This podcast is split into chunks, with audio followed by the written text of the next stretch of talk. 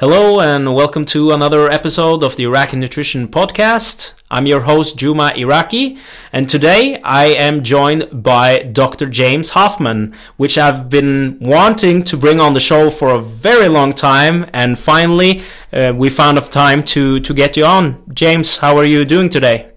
I'm doing great. Thanks for having me on. It's always a pleasure. Thank you. So, um, before we start, I just want to mention that this podcast is available on, on, YouTube in video format. But if you want to listen to it in audio format, you can find it on iTunes, Stitcher, and also SoundCloud. So, James, we are going to talk about how to optimize recovery today. And I know you've um, recently published a great book on this topic. But uh, bef- before we start, could you give us a, a, brief introduction about yourself? Yeah, for sure. So uh, I'm James Hoffmann. I have a PhD in sport physiology, which I got from the East uh, Tennessee State University under Mike Stone and Dr. Bill Sands. I grew up in Chicago, Illinois. That's where I did my undergraduate and master's work. And I do all sorts of stuff. I'm a man of many talents. I've studied sled pushing with rugby guys. I've studied recovery. I've studied high intensity interval training and cyclists, all sorts of stuff. So I love everything sports. I love uh, I love my cat. I love video games. I love Dungeons and Dragons. I do it all. I do all sorts of crazy shit. I'm all over the place. so, what type of uh, sports have you been involved in yourself? yeah, for I did. Uh, man, I've done so many. Uh, but I've done basketball. I wrestled for a very long time. I got into rugby later on, which I really, really loved. I did American football. I've done martial arts of other types, like I did Shotokan, and I've been uh, learning a little bit of Muay Thai lately, not competitively. Mm-hmm. Um, so I, I love, you know, I, I, I don't tie onto one thing too much. I love shooting sports, like I love to shoot guns, like I just love it all. I always like to train. I like to have something to train for, or at least think about training for, even if I don't compete. You know what I mean? Mm-hmm. Yeah, yeah. And you you guys are lucky because you have like uh, a lot of sports that you can get involved in in in the in the states, like compared to here where you either play soccer or you get involved in some cross country skiing or something like right. that. So yeah, we are fortunate. We have you you pick it, we have it. Yeah, yeah, but soccer is actually quite big in the states as well, right? It's really big, and yeah. we act, and I actually didn't realize we. I mean, we have a lot of semi-professional teams uh, here in the states, and like when I was in Philadelphia, the, the a lot of the players were making six figures mm-hmm. for playing semi-pro out there, which I had no idea because I had a student who was interning. Uh, I was supervising his internship and I was asking him some questions. He was doing strength, their strength conditioning stuff, and I was like, okay, so you know, do a lot of these guys have other jobs? And he was like, no, they just get you know they make like a hundred grand just playing on the team. I was like, what? They make six figures just playing on the, their uh, semi-pro team. So it's actually very popular. Uh, it's certainly more popular, I think, at least on the professional level than rugby. But rugby's coming up, uh, and lacrosse is also very popular. Yeah, yeah. R- rugby is actually quite popular in in the UK. Uh, but like soccer is a whole different game when it comes to like yeah it's a whole nother level when it comes to uh, the professionalism and also the money that's involved. Like if you go back like 20 years, you would pay like 20 million pounds for a soccer player, and that would be like a massive amount of money. And now it's like now it's like nothing. Like you get like these fringe players in your squad, which which uh, cost you like 20 25 and if you want to like bring in a superstar you have to like pay up to a hundred million pounds just to get uh, get the player. Yeah, soccer's crazy. You know, it's uh, it's one that I never personally got into, but I can appreciate like how popular it is, and it's like um, it's like for us, it's like American football, where it's there's just so much money that goes into it. It's crazy. Mm-hmm. Yeah. All right, James. So we're gonna talk about uh, optimizing recovery, and Ooh, to get uh, you know about that, yeah? so, to get the thing started, uh, let's talk about why uh, recovery is important. Yeah, recovery is an interesting uh, field of study. This is one of these uh, things that, uh, like Mike and I started working on this book. I want to say like two years ago, because uh, in our in our business, we were getting people who were saying like, "Oh, I'm spending a lot of time doing, you know, I'm going to the cryo tube, or I'm going to the massage place, or I'm getting, uh, you know, what's it called, cupping, or I'm getting like needles done," and they would ask us a lot of questions on that, and I'd always be like, "Man, this is like st- stupid. Like you're you're asking me these advanced strategies." and uh, you're not doing the basic stuff, right? I was like, I know that certain things are really important, right? Like sleep and stress management. And so we started kind of like saying, like, okay, enough is enough, right? We know that not all of these things are created equally, right? Just like we did with the nutrition stuff several years ago, where we said, okay, enough with like the nutrient timing, enough with the supplements. Like we got to put a hierarchy to these things because they're not all weighted equally. And recovery is a really interesting one because when you think about it, the whole world is trying to kill you at all times, right? That's what entropy is all about. Everything is trying to destroy you. So your goal in life is to stay around as long as you can, and that requires a lot of stress recovery type interactions, right? That could be from training or it can be from biological system standpoint where it's like, okay, I encountered a stressor. It really set me off for a few days. I need to get back to normal. So the study of recovery for training purposes really deals with how do we deal with the, the highly catabolic and stressful nature of training, right? You go forth, you go do some overload training. If you actually don't take time or take steps to promote your recovery, you'll actually just get worse over time. Why? Because training is just a stressor. It adds a lot of fatigue. It uh, wreaks havoc internally on your body. And if you just keep training and don't actually spend any time trying to recover from that training, your performance goes down and you get worse. And we can see things like rhabdomyolysis and overreaching, overtraining, all that nasty stuff. So obviously we want to train hard because we want to get better, but there's that recovery component where you can't keep training hard unless you take steps to alleviate some of that training fatigue every now and again. The other part of the equation is you want to get better, right? You don't just train to be where you were. You're training so that you can be bigger, stronger, faster, more fatigue resistant, better looking naked than you were before, all of those things. So, one of the problems that we have is that we can have recovery without adaptation but we don't get much adaptation without recovery. So that makes recovery a very, very worthwhile thing to study because most of us are training for the purposes of promoting adaptation in some way. So, how do we do that? Well, we have to actually ensure that adequate recovery is happening so we can actually have some of the best adaptive potential from our training and, of course, stay alive on the earth as long as possible. Excellent. Now, I know in the book that you wrote that you have um, a hierarchy of. Um, recovery. Could you walk us through that? Yeah, absolutely. So, kind of like what we had just mentioned, we said, you know, not all of these things are created equal. So, a lot of people, when they start thinking about recovery, and I, have said this many, many times, and I'm going to keep saying it again, the first thing they do is they say, What should I add to what I'm currently doing to try and promote recovery? And what we're saying is that that might not be the best strategy. In fact, the best strategy might be to reevaluate what you're currently doing and seeing if you're doing a good job on some really basic fundamental things. So we made a big hierarchy and we said, you know, not all these things are created equal and we can run through each one a little bit. So this is kind of a funny story. So at the base of the pyramid, we see training within your MRV, or what Mike and I like to call the volume landmarks.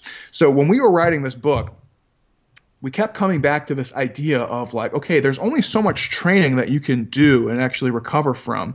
And we actually started piecemealing this idea of the volume landmarks together throughout this time. And we ended up having, you know, this huge amount of content just about things like MRV, MAV, MEV, all that stuff. And we said, well, goddamn, why don't we actually just make this a whole separate book? Because we already have enough content filling up this recovery book on the volume landmark. So it was kind of funny that uh, we started with the recovery book, and then throughout the process, we ended up spitting out this uh, the volume landmarks book because there was so much to say about that. So kind of the take home if you haven't seen that particular book, you know, there's not much you can do if you are exceeding the boundaries of what you can recover from in terms of your total training volume, right? And that can come from a variety of sources. It can come from what you're doing in the gym in terms of your resistance training, any of the cardio stuff that you're doing, any of your sport related training. All of that stuff gets factored in. So there's a there's a point of no return which nothing can save you from, right? So we know that if you train up to a point, you can recover from. Uh, there's also a point where you can train and recover and stop making adaptations. There's a separate point where you can train and uh, not recover anymore, right? So training within your MRV, training within your volume landmarks was the essential step. It is the first prerequisite thing that we must address before we can even discuss anything else because everything after that is insufficiently powerful to ameliorate this effect. Does that make sense? Yeah, absolutely. So, like, if you're overtraining, there's no pill, there's no magic amount of sleep, there's no food, there's no amount of heroin or cocaine you can do to get around it, right? That's the problem. So it's definitely the first choke point where we say you have to understand what are the minimum and maximum values of training that you yourself can tolerate on an individual level. So that's kind of a prerequisite step, right? We can't really address address anything else uh, before that. Once we have established those things and we say I have a pretty good idea of how much training I can do from all my different sources, now we can start looking into some of the actual specific recovery modalities. And we wanted to break it down in a, in a meaningful and useful way. And so the next one we see in our hierarchy is what we have called passive recovery methods, which basically includes things like sleep, relaxation, naps, stress management, uh, and things along those nature. What we have found is that outside of training within your MRV, right, this is the next choke point, right? There's nothing you can do about not getting enough sleep and not managing your stressors well. After that, like there's no drinks, there's no amount of deloading or light days that you can take, there's no amount of therapy or compressive garments that you can wear to get around that. So that was the next choke point for us. So within passive recovery, we said, you know what? Sleep. 100%. You cannot get around it. It's been well documented for a variety of different things, and it's absolutely true in recovering from training. You got to get enough sleep, which of course is variable from person to person. After that, we want to start looking at our lifestyle, right? How can we adopt a, a, more beneficial lifestyle to meet the demands of training? And one of the things that really became probably the biggest reoccurring theme in the book and then in our field of study of, on, on recovery methods was this idea of relaxation and stress management, which I think is my favorite one to talk about because it's one that we take for granted and we give a lot of lip service to, but not a lot of people actually take the time to do it. So, what is what are we actually talking about? So, relaxation, stress management. Let's start with relaxation. Essentially, what we're trying to promote is getting somebody who is in an elevated or heightened physical or psychological state down to baseline or kind of their reduced resting physical and psych, uh, psychological state. So we're talking. We can look at things like heart rate, respiration. We can look at arousal levels, mood, affect, all those different things. What we're saying is, all right, you went and did some hard training. You got pumped up physically. You got pumped up psychologically. Now what I need to do is get you back to baseline. We need to start promoting a lot of our rest and digest mechanisms and get out of our fight or flight mechanisms. So that is probably after sleep the most important one. And then what we were talking about a little bit before we uh, on the sh- before the show was stress management, and that kind of is a kind of goes hand in hand with relaxation. But for what the big difference here with stress management is what we wanted to say is, you know, uh, it's it's difficult to control your emotions, right? A lot of people will say like, oh, stress management, you need to like control your emotions and not like get mad or not get anxious or not be sad. That's a big misnomer, right? Because things happen shit happens throughout the day. No way around it, right? Your kid barfs on the floor. Your, you know, PI like doesn't put you as first author on your paper. You son of a bitch. I should have been first author on that, right? Some weird shit's going to happen throughout the day, and inevitably, out of your control, you're going to respond to that, and that response is mostly chemical, right? You're going to be happy, sad, anxious, whatever. So you can't really control that. What you can control, however, is your behavior that follows. And what a lot of people get into the bad habit of doing is they'll encounter some stressor and then they'll let that manifest into like very unproductive behavior where they're anxious all day long, they're brooding, they're angry, they're letting it bother them for days on end, right? Somebody flips you the bird on the way to work and you're like, "Ah, oh, what?" and you just let you let it get under your skin. Stress management basically says you have to be able to control your behavior and flush some of those things down the toilet and not let it bother you. Unfortunately, what we have found is that lifestyle stressors can accumulate with training stressors and they can have physical manifestations. Things like your sympathetic nervous system activity can start to go up. Things like your resting heart rate, catecholamine release will start to go up. Catabolic hormones will start to go up. All these nasty things, even when you're not exercising, right? And those things, unfortunately, directly butt heads with a lot of our anabolic processes. So we can't have or we can't maximize our anabolic effects if we have all this catabolic activity going on. And unfortunately, catabolic activity can be stimulated not only by training, but also by lifestyle stressors. So we said passive recovery, really, really big deal. And then the last one I think on there was um, just uh, total rest, right? Just taking a, a, a non exercise day every now and again. So that was our big one on there. We thought those were probably the most important after training within your MRV. As we moved up in the pyramid, am I? You can stop me too if I'm rambling too much. We doing okay? Yeah, yeah, yeah. Just continue. Okay, sorry. If you ever want to slow me down, if you want to talk about anything, just let me know. I feel like I'm rambling. Um, the next couple we looked at, we were like, okay, so we said passive recovery, really well documented. Relaxation seems to be a common theme amongst many of the recovery modalities got that covered. So what comes next? We said, okay, we have active recovery and we have nutrition. Can we definitively say one is better than the other? And the answer we got was no. We cannot definitively say one is necessarily better than the other. There are elements of both which uh, cannot be replaced and are necessary, but it's hard to put a specific weight to some of these things. So we said next up in our pyramid was both active recovery and nutrition. They are equally weighted because we know that, for example, not getting enough calories, be it from carbohydrates, fats, proteins, whatever, will have a direct impact on your ability to maintain weight or have good exercise performances, all sorts of stuff. And likewise, you can take things like deloads once every you know mesocycle or so, and that can have a massive influence on your ability to bounce back into hard training after you've been tired for a little while.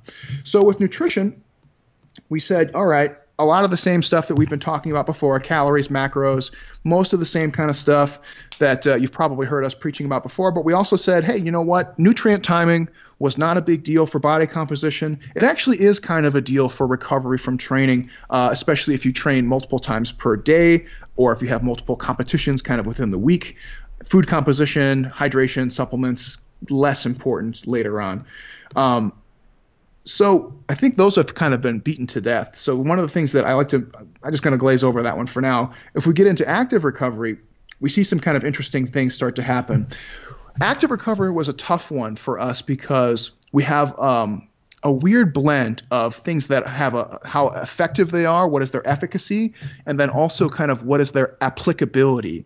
And what we find with active recovery is that we have a weird blend between some of these things. So we tried to structure our active recovery hierarchy with things that were the most efficacious and the most applicable, and then kind of work our way down in terms of the compromise between those two things. So at the base, we have deloads.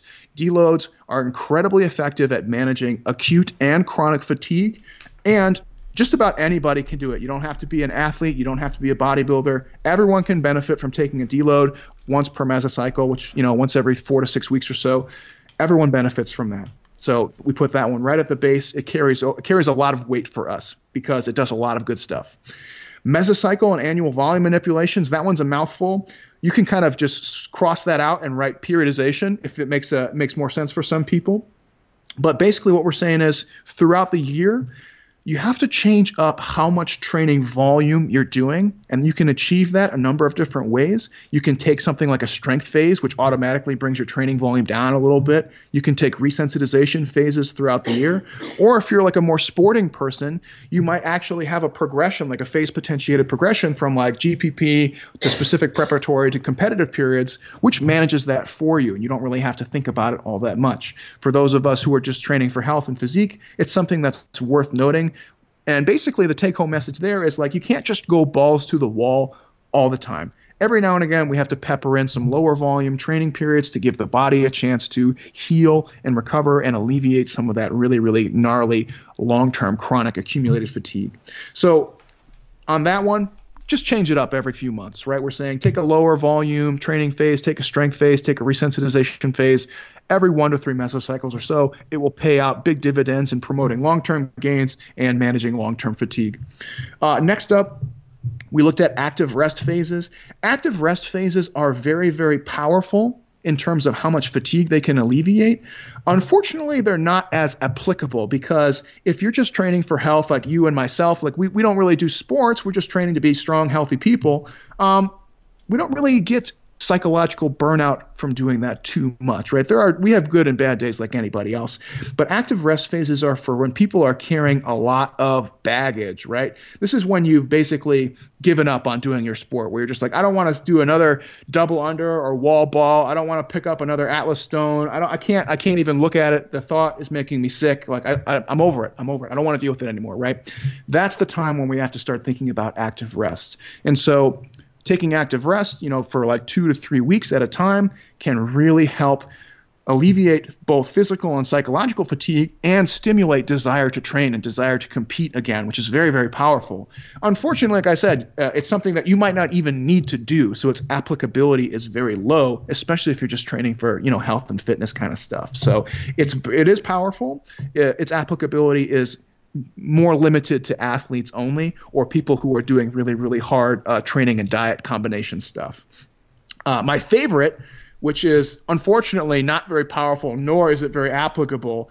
Uh, actually, I take that back. It is. It's not very powerful. It is very applicable, but not applicable enough to compensate. our uh, light sessions. Light sessions one of my favorite ones. It's one of the easiest ways of managing kind of um, microcycle fatigue, like fatigue throughout the week. It's something where you basically just take a normal training day, chop it in half, make it what we call a light session, and you can really bounce back during the week when stressors have kind of accumulated in an unfavorable way. I would do this with my rugby players all the time. If we had like a two day tournament where they were playing sevens or something, they would come to Monday's practice and they would be all beat up from all the rugby that they played and we would just do a light session. It was wonderful. They would come in, they would do their normal warm up stuff. We would do no contact, and it would only last for about an hour or so. We'd play some games, have some fun, work on some basic skills, send them home. They'd come back for Wednesday practice, re energized, ready to have more productive, more normal rugby practices. You can do the same thing with uh, weight training sessions. You name it, you can do it really easy. I love light sessions. I think it's a really smart, strategic thing to do to have a couple light sessions planned every week. However, it's just not as powerful as doing something like a deload, and you don't necessarily need to do it. Like you, uh, you can think of it like this, right? If you're designing a training program and you're trying to figure out is my program going to fail, having light sessions does it matter? Uh, it doesn't matter that much whether you have light sessions or not. It's definitely a benefit, but it's not going to cause your program to fail not having deloads in your program, that's a big deal, right? That's going to inevitably cause your program to fail at some point. So that's kind of why we have the hierarchy the way it is there. And then last on here, tapering is uh, very, very powerful, incredibly low applicability. And we actually actually had it offset on our pyramid because it's a athletic technique only. People who are training for health and fitness don't even need to do this at all. It's only for competition specific uh, preparation. And even within that, only for probably the most important competitions that we're going to see throughout that annual training plan.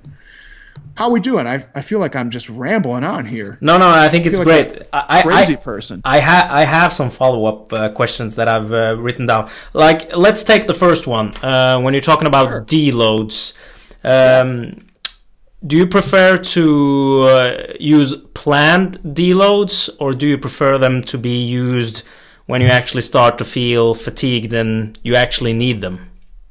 I like to use a combination of both. And so, um, one of the things, and my fiance Mel, she made like this fantastic diagram. I couldn't have asked for a better one, where basically, generally, we want to have pre planned deloads as kind of the backbone of our training plan, right? But that doesn't mean that you cannot auto regulate at the same time. Auto regulation and taking light days and deloads when needed is very, very valuable. However, you do need to have a hard line when you decide to do that. So you have to have some evidence that says, you know what, I actually uh, I actually really need this deload right now. I'm not just having a bad day or I'm just feeling a little funky today. You know what I mean? So if you do that, so you might have a pre-planned deload. You do two or three weeks of hard training, and you realize, like, you know what? Damn, dude, I overreached prematurely. This is not what was supposed to happen. You can take an auto-regulated deload, and what I would do then is take the information, the data that you did from that training program, where you said, like, here's what I did, feed that back into your pre-planned strategy. Say, like, okay, well, I had my pre-planned strategy, but that failed me but I have my auto regulated thing that got me back on track. I need to adjust my pre-planned strategies based on what actually happened. So I say do both and let both of the the data from both of those things drive your program, and it ends up being a, a win-win. A lot of people are kind of like on uh, black and white where they're like, you you have planned deloads or you do uh, auto regulation. Why not both? Why not both? You, but the problem is you need to have a hard line. You need to have some evidence that says my athlete or myself is not in an appropriate training state based on what I have planned. And if you can identify markers in psychological markers, performance markers, physiological markers that can indicate that, then autoregulation can be very, very useful. But again, you need a hard line. Excellent.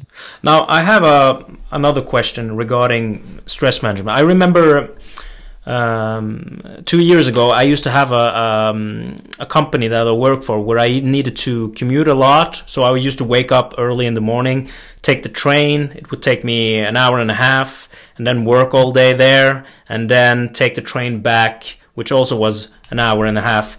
Uh, and what I remember was that on those days where I did this, like my sleep would be on point, my nutrition would be on point and I wasn't really doing any uh, physical work, like just sitting on the computer and punching numbers and doing stuff like that. And every day, every time I had those days, if I did a workout, they used to suck like really, really bad. I used to have like terrible workouts all the time. So my question is, is there anything uh, like some like strategic wise you could do to um, reduce the stress before a training session, or is it better to do the training session and then focus on recovery after the session? Well, I think that's a great question. I think it depends on how negatively you feel the stress is impacting your training session. So, for example, when you said you were commuting, when you were on the computer, were you vehemently working the whole time? Like as soon as you got on the train, you flip open the laptop and you're doing emails and work and stuff, right? Mm-hmm. mm-hmm. So, that's a, that's a very productive use of that time in terms of your career. Unfortunately, you are still expending a lot of psychological effort and energy, although you might not feel like it because you're just sitting on the computer doing what you normally would do anyway. But you're staying engaged, you're in a heightened aroused state psychologically, and it requires a lot of energy and concentration, right? So in that case, if you are feeling like, oh man, I'm, uh, by the time I get to my workout, I'm all I'm worn down. Well, you've been working the whole time. Even though you were commuting, you were working on the train. You worked at work. You worked on the. You're working on the way back.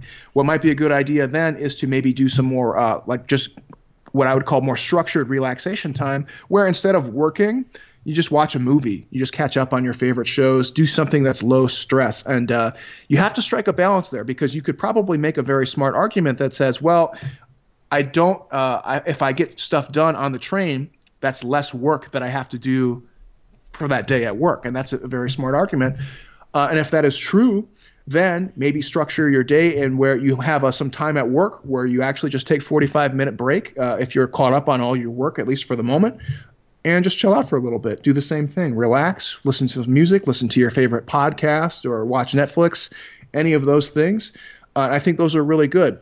If that's not an option and you you have to work really hard all day and that workout comes up there's not much you can do and then what you should do is shift to focusing your recovery efforts uh, in the post exercise recovery period and say like okay well i've got to bust my balls all day that's not going to change. That's just what my life is right now, and I can't change that. Totally cool. That means that after my workout is over, that is my planned relaxation time for the day, and I'm going to set aside an hour to eat a meal and do nothing, right? No wife, no kids, no research, no work, none of that shit.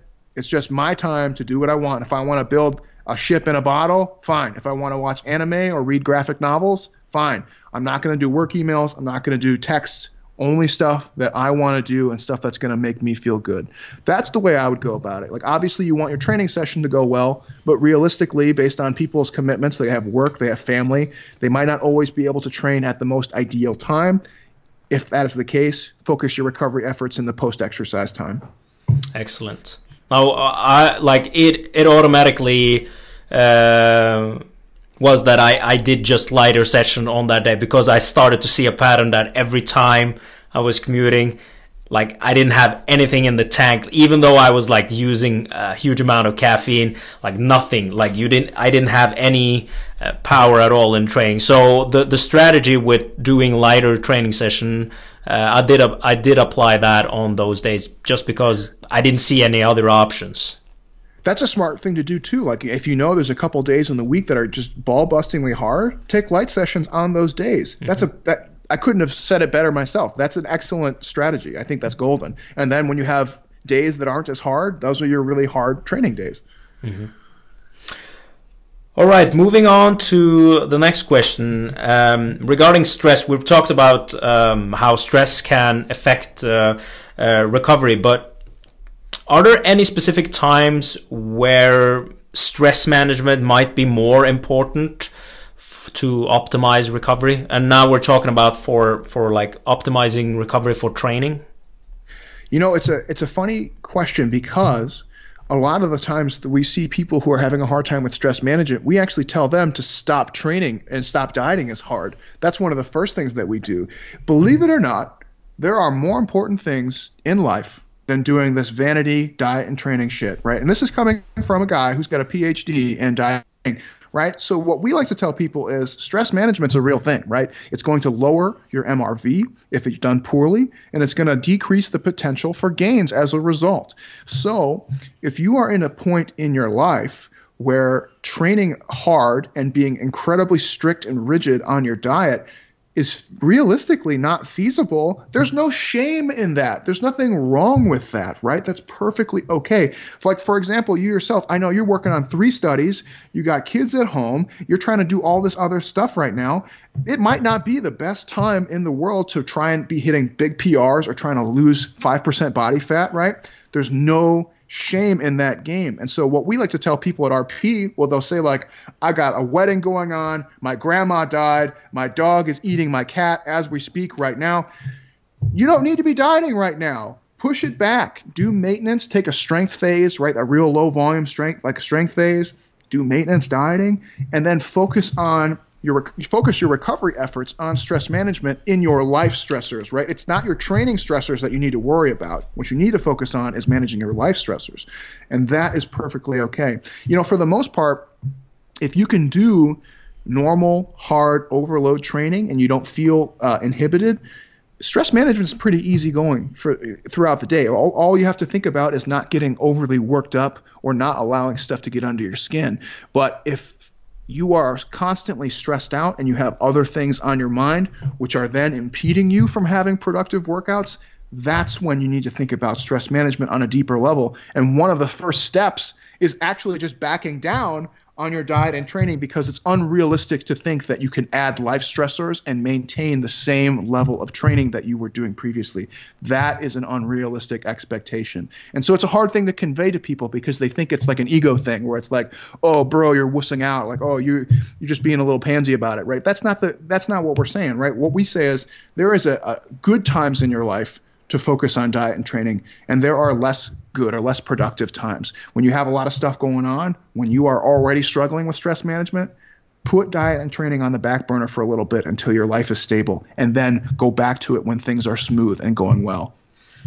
Excellent. I think that's that's a great point because a lot of people when they think think about recovery they only like they might be sleeping enough they might be eating well but i don't think a lot of people pay uh, enough attention to stressors that they have in uh, in life absolutely and those things accumulate uh, one of the things that we, we try to make really clear is people just think about training stress, right? Where they're like, oh, I did a hard workout, right? But all of those things add in? Like how's your relationships with your significant other? How is your family doing? What's your work life like? How much sleep are you getting right? How are you working on a big project at work? Are you worried about getting fired? All of those things right accumulate stressors and those things have uh, uh, psycho uh, i forgot what the word is i'm drawing a blank. But anyways those psychological stressors end up having physical manifestations later on which can impact your training. And it's something that is worth thinking about. Absolutely. Excellent now, uh, I know uh, you mentioned that the, in the pyramid, like one of the least important things were nutrient timing and uh, and and supplements. Uh, regarding supplements, is there anything on the market that's been shown to actually have a a, a benefit for uh, for recovery?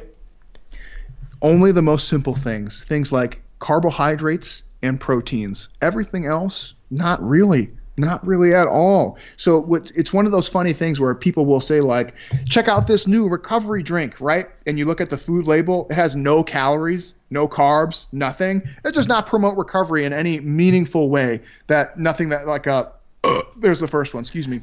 Nothing that like a multivitamin or uh, having enough vegetables in your daily life doesn't already do. You know what I'm saying? So a lot of that is just total scam nonsense. So if you're looking at something and it's like, oh, here's this like funny recovery supplement, if it doesn't have a significant amount of calories, first of all, and then within the calories, you know, some amount of carbohydrate and protein, it's probably not doing anything worth your while. I've actually seen some that have stimulants in them where it's like try this drink for recovery and it's just full of stimulants that's the opposite of recovery that's stimulating a stress response right? It's a catabolic effect uh, which is good for training bad for recovery. So uh, most of that stuff is just scam nonsense. Um, nutrient timing is one that we actually kind of throw a bone for recovery. We say for recovery purposes it might be worth your time. For body composition it's it's mostly not worth your time. Um, and supplements for both categories are basically like it's kind of like uh, if you're trying to build a car it's like trying to figure out which uh, bobblehead to put on your on your dashboard in your car right mm-hmm. not the engine not the transmission not the radio not even the paint color not the tires the bobblehead that you want in your car it's very unimportant mm-hmm.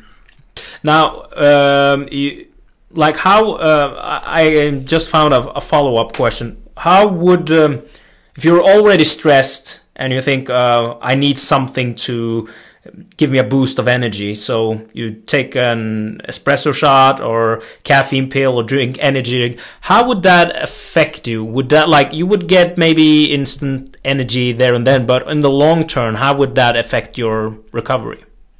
Yeah, so uh, from an energy standpoint, it's good, right? It can give you a little boost when you need a little boost, and that's fine, right? From a recovery standpoint, it's bad caffeine and other stimulants like coffee and, and, and all that stuff, uh, it's actually stimulating that same stress response. It's stimulating uh, a catabolic energy producing response, which is again is good for getting up and, and going about your day. In the long term, it is bad. So there's two things to consider. A, the cellular response to taking stimulants is very, very similar to fight or flight response. It's inherently catabolic, right? Boom. The other problem with the stimulants is that it actually can mask accumulated fatigue and stress because it makes you feel better, right? So it's a psychological benefit where you actually feel like, oh, I feel energized, I feel good. What that can do is start to mask the underlying accumulation of fatigue where you you feel better than you actually are. That's the problem. So you're kind of it's like a false positive. You know what I mean? Where like I feel better, but you're actually still shitty. You need to actually focus on some recovery time. So it's it's fine. It's really probably only an issue for pe- people who are heavy, heavy, heavy into the stimulant, you know, use where they're drinking, you know, multiple uh, espressos, multiple cups, uh, excuse me, pots of coffee per day, like multiple energy drinks, multiple pump up drinks. That's where it kind of can become more tangibly negative for recovery. But normal use, like if you have a couple espresso shots, you have a couple cups of coffee, a monster every day, probably not a big deal. Excellent. Now, moving on to the next question regarding doing too much. Like, if you focus too much, because when you're training, you're um, creating a stimulus and then you want that stimulus to further lead to an adaptation. So, if you're doing too much uh, to optimize recovery, can that potentially have a negative effect on the training adaptations? Oh, yeah, that's an awesome question. So, essentially, what we see in this situation is like an over reliance on fatigue management.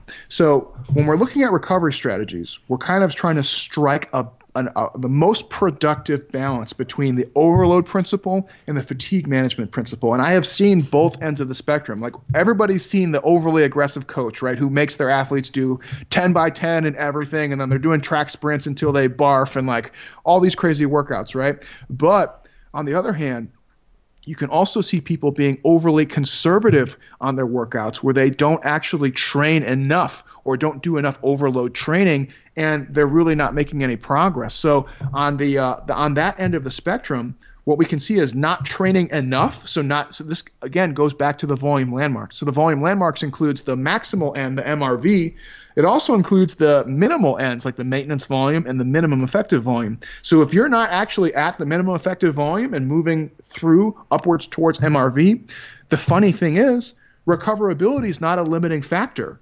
The amount of training that you're doing is the limiting factor, right? So in this case, if you're overly conservative, focusing too much on fatigue management, uh, recoverability is not a limiting factor to you becoming a better athlete. You just need to train more. You need to train more and train harder. So we can see both ends of the spectrum, and that that was um, that was one of the reasons why we were like we need to put together a system, some uh, vocabulary to describe this because that's what the volume landmarks basically tries to outline. What we call dose response relationships, where it's like here's the minimum I need to do, here's the maximum that I can do. I probably need to be somewhere in between there. So if you're below the minimum, it doesn't matter what recovery stuff you do. If you can do all the sleep, all the nutrition, you're just not training hard enough, right? If you're training too hard, you have the opposite problem where it's like, well, there's no amount of sleep or nutrition or light days that's going to fix this. You got to back off. So it can absolutely become a problem just in the sense that they're they're not producing enough overload and they're just not going to get better over time. Excellent.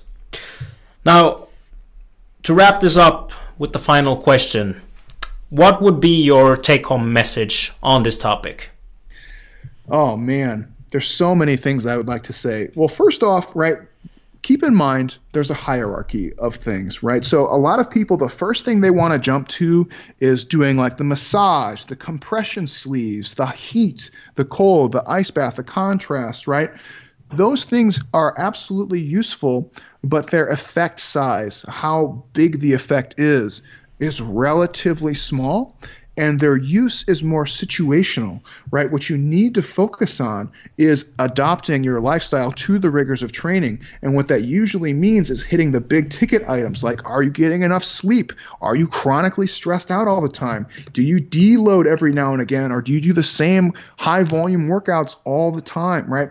These are the big ticket items. Like if you're using periodization, check. If you're using deload, stuff like that, check. If you're getting enough calories and macros, check. You know, the thing is, man, all these things that I'm describing that are effective, they're hard, right? It's hard. You got to do math. You have to sit there and diligently keep track of all this shit. No one wants to figure out the volume landmarks. Why? Because it's going to take you like a year of trial and error to figure out all this shit. And it's going to be a lot of data collection, a lot of logs, and a lot of analysis, right? Same thing with calories, macros, right? No one wants to sit there and measure their body weight and how much, you know, keep a food log and look at their MyFitnessPal. It's a lot of work. No one wants to track their sleep and how much volume they're doing throughout the year. All that stuff is a lot of work, but it's the most bang for your buck, right? Everyone wants to go around that and find the quick fix. There's no quick fix here, right? In order to promote some of the best recovery adaptive strategies, you got to do the basic stuff, and the basic stuff works really, really well. So there's no there's no supplement, there's no massage, there's no sleeve or ice bath or therapy or voodoo witch doctor shit. You name it, you can't go and do it in one day and it's going to fix everything, right? What we're talking about with recovery is adopting your lifestyle to the rigors of training. That means you have to make many, many, many, many small changes consistently all the time. It's not something where it's like, oh, I'm feeling shitty today. I'm going to try and find this like cool thing that's going to fix that. No, that means you've been doing a bad job with the basic stuff. You've probably been doing a bad job with your training, your nutrition, and then like things like passive recovery. So I think the take home message is right, like don't get caught up in the minutia of things like trying to find massage or ice bath or um, you know what's it called, the needling stuff. Uh, I forgot what it's called. Um, cupping, all that stuff. All these things are, you know, not all of them, but many of these things are fads. They come and go, right? They they come and go faster than we can prove them right or wrong. That's how bad it is in science, right? These things come and go, and by the time a study's already published, that thing's already gone, right? It's already too late. So don't be afraid to tackle the big ticket items, right? Get enough sleep. Relax throughout the day. Make sure you're keeping tabs on your calories and macros. Make sure you're training within your volume landmarks and you have some fatigue management strategies built into your program and can adopt your program as needed when fatigue gets too high. Those are the big things, man. After that, everything else is still useful, right? We're not saying that some of these things like uh, compression and cold and stuff. We're not saying that they're not useful, they're just less useful and more situational. So it's kind of, again, if we go back to the car analogy, if I want a car, it's got to have a good engine, a good transmission, and a good like frame to sit on. After that, I can start picking out what kind of interior I want, what kind of car, what kind of tires do I want? You know, do I want leather, whatever. That's all fine tuning stuff after the fact. So, take home message. Man, I feel like a crazy person today. Maybe I had too much caffeine and I'm wigging out. But don't get caught up in the minutia stuff, right? We made the hierarchy based on how effective these things are. Start working on the big ticket items and then work your way down to the smaller items. And by the time you get to the smaller items, you'll have been doing a damn good job for a very long time. Excellent. I think that's a wrap, James. Thank you so much for taking the time to do this. I think this podcast is going to be uh, of very high value to a lot of people. Where can people find more information about you? Oh, well, thanks again for having me. This has been really fun. I feel like I was ranting like a crazy man. Um, you can find me on the Renaissance Periodization website. Uh, excuse me. Mike and I do a weekly webinar on RP Plus. So if you guys uh, are interested in shooting us questions every week, we do a, a live weekly webinar. And uh, we also have a podcast coming out called The Sports Scientist, which you can find on iTunes, SoundCloud, and on uh, YouTube. So plenty of stuff to find us at. Excellent once again, thank you so much, James. And um, I would love to bring you back uh, another time to talk about uh, another topic. Absolutely. It's been a blast. I would love to come back. Thank you so much. All right, James. Thank you so much and have a nice day. Take care.